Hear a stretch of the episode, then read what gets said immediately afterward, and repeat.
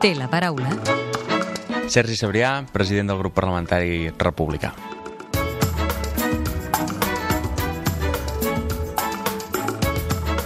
En una frase. Què hauria de ser Catalunya segons vostè?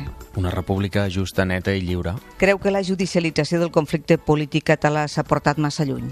És que em sembla que hauria d'estar a zero i estar a 100, diríem. Per tant, sí, sí, fa molts dies que, que està molt lluny d'allà on hauria de ser. Hi ha presos polítics a Catalunya? Evident. Creu que haurien d'estar, si més no, en llibertat provisional fins que arribi el judici? Crec que no han comès cap delicte i, per tant, crec que no hi hauria d'haver judici. Es diu que Catalunya està dividida entre els qui volen la independència i els qui no. Com es pot solucionar? És que només es pot solucionar votant. Per tant, Esquerra què fa? Doncs té molt clar quina és la seva opció i dedica tot el seu temps a convèncer, però a convèncer per acabar votant. I, en canvi, hi ha una altra part que l'única obsessió és vèncer. Catalunya té dret a l'autodeterminació? Sens dubte. Quin significat té per vostè l'UO i el 9-N? El 9-N és un pas previ. L'UO és uh, un exercici que no, té, que no té marxa enrere. Aquell dia els ciutadans catalans se senten lliures per decidir el futur per primera vegada i això, un cop et sents lliure una vegada, no et deixes que et tornin a presar. Creu que Europa hauria de prendre partit davant el que està passant a Catalunya ja? Hem vist imatges que cap demòcrata el poden satisfer i, per tant, jo crec que els catalans que són profundament europeistes d'Europa n'esperàvem més. Fa uns dies es va perdre la majoria parlamentària quina autocrítica pot fer? Això em sembla un desastre, diríem, perquè era un valor capdalt i, a més a més, em sembla que de cara en fora també poder explicar que de manera permanent aquest Parlament ha tingut majoria independentista i que tantes vegades com es posin les urnes, doncs aquesta majoria es veuria reflectida en els nostres escons era un valor important, que avui no tenim, però que estem a 5 minuts de tornar a tenir i per tant eh, en el moment en què per registre s'entrin les designacions que és un, un concepte eh, que ens va costar molt de trobar i que complia totes les condicions que requerien que era no acatar llarena però alhora mantenir la majoria però alhora mantenir els drets dels, dels diputats i fer les votacions efectives doncs eh, això es pot reprendre. Espera per tant que reverteixin la seva decisió els companys de seus de Junts per Catalunya. Jo només insisteixo que està a les seves mans que aquesta majoria hi torni a ser. És viable la legislatura amb quatre vots menys a, a la bancada del, de la majoria independentista? Em sembla que és imprescindible. Diríem que en el punt on estem continuem aquest camí junts i que el portem tan lluny com, com puguem, entre d'altres coses, perquè eh, hem de centrar ara mateix la nostra extensió en ajudar tant com puguem els ciutadans de Catalunya que més ho necessiten, i això es fa des del govern, un, i no es fa en un, en un procés electoral o interrompent la situació que tenim ara, i dos, eh, hem de centrar tots els esforços també en aquest judici injust que ara ve, i el que no, no em sembla sembla que seria normal i que a mi em cauria la cara de vergonya és eh, fer coincidir aquests eh, judicis amb un, amb un procés electoral. Eh, siguem sincers, Esquerra Republicana i l'espai postconvergent estan condemnats a ser adversaris, a ser enemics?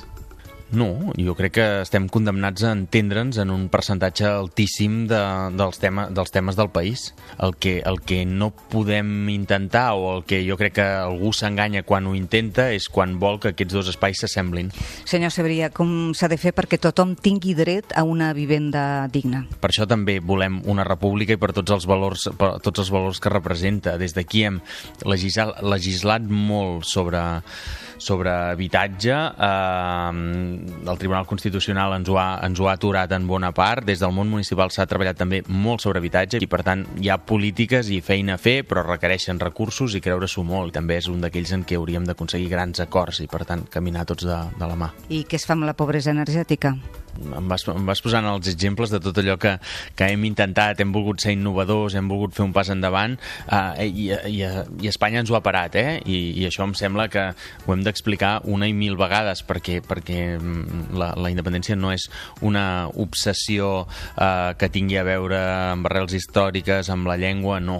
La, la, la independència eh, per nosaltres a dia d'avui només és una eina per construir un país millor. Quan creu vostè que durarà aquesta legislatura? Seria bo que no fos una legislatura excessivament, excessivament curta i que, per tant, doncs, tinguéssim temps per treballar sobre els temes dels judicis, però també per treballar aquestes uh, polítiques uh, socials i que, mentrestant, doncs, uh, tot el moviment autodeterminista a, a, favor, de, a favor del referèndum, també el, el moviment més clarament independentista, doncs, que siguin capaços de traçar un camí junt i conjunt i, i que puguin anar avançant. I crec que això doncs, uh, seria bo poder-ho fer uh, dintre d'aquesta legislatura, seria bo poder-ho fer amb una, amb una, amb, aprofitant aquesta majoria parlamentària que és la que va manar de les, de les urnes. Quina és la llei que li agradaria aprovar a vostè abans d'acabar? Uh, M'agradaria poder reformar totes les lleis de l'audiovisual del país. És una mica la, la meva llei o la que em sento meva perquè ja et dic que he sigut membre de la ponència fins a tres vegades. Cap de les tres hem aconseguit arribar fins al final i per tant m'agradaria molt i no ho dic només perquè avui m'estigui entrevistant a la ràdio pública del país. Per què es va dedicar vostè a la política? Per què va decidir-ho? O sigui, jo vaig començar a estudiar economia, vaig trobar que allà hi havia un excés de números pel que jo era capaç d'assimilar i vaig reenfocar els meus estudis cap a les ciències polítiques i de l'administració en aquell moment en molt més interès per l'administració que, que, no pas, que no pas per la, per la política poc a poc alguns companys de viatge imprescindibles com, com en Carles Mundó, en Josep Maria Jové, que avui continuen sent companys meus, que ho tenien molt més clar i que, que ho van fer molt abans que jo, em van anar estirant i aquesta aventura em va portar un dia a presentar-me a les municipals del meu poble i acabar sent alcalde de, de Palafrugell i és bàsicament d'aquesta alcaldia eh, d'on comença tot aquest viatge. I quan deixi de dedicar-se a la política, eh, què pensa fer? El que segur que faré és buscar una feina, una feina més a prop de casa, intentar doncs, estar més temps amb la, amb la família, amb la, amb la meva companya, amb la meva filla, i això jo bueno, en tinc moltes ganes. Vostè té mútua o va a la sanitat pública? Tinc una mútua. Pis de lloguer o de propietat? Visc en una casa molt vella que he anat arreglant a poc a poc, que era de la, de la família. Cert o fals que en la política i en l'amor tot s'hi val? A mi no em sembla que tot s'hi valgui. A mi em sembla que encara hi ha uns uh, valors uh, al capdavant que no ens hauríem de saltar. Amb quin diputat que no sigui del seu propi grup compartiria taula i digui'm en un? Amb l'Alicia Romero, dels socialistes. Digui'm un pecat confessable. No sé si un, una bona taula i un, i un bon vi és un pecat confessable, però és un vici que m'agrada. Quin és el seu paisatge favorit? Em serveix a qualsevol d'aquell tall de Costa Brava que va des de Begú fins a Palamós. I els seus hobbies? Intento fer esport sempre que puc. Em feia molt quan tenia 18 anys, de fet era el que devia fer més en aquella etapa. Ara intento jugar a futbol quan puc i algun dia a pàdel, sí, perquè per, ser, per jugar a futbol hem de ser molts. Què és el que el fa somriure inevitablement? Els meus amics. A què té por? A, a fer-me gran seria pànic, més aviat. Una música que l'identifiqui? Jack Johnson seria el cantant que si toca a prop no em perdo mai. Té un llibre de capçalera? És lector vostè?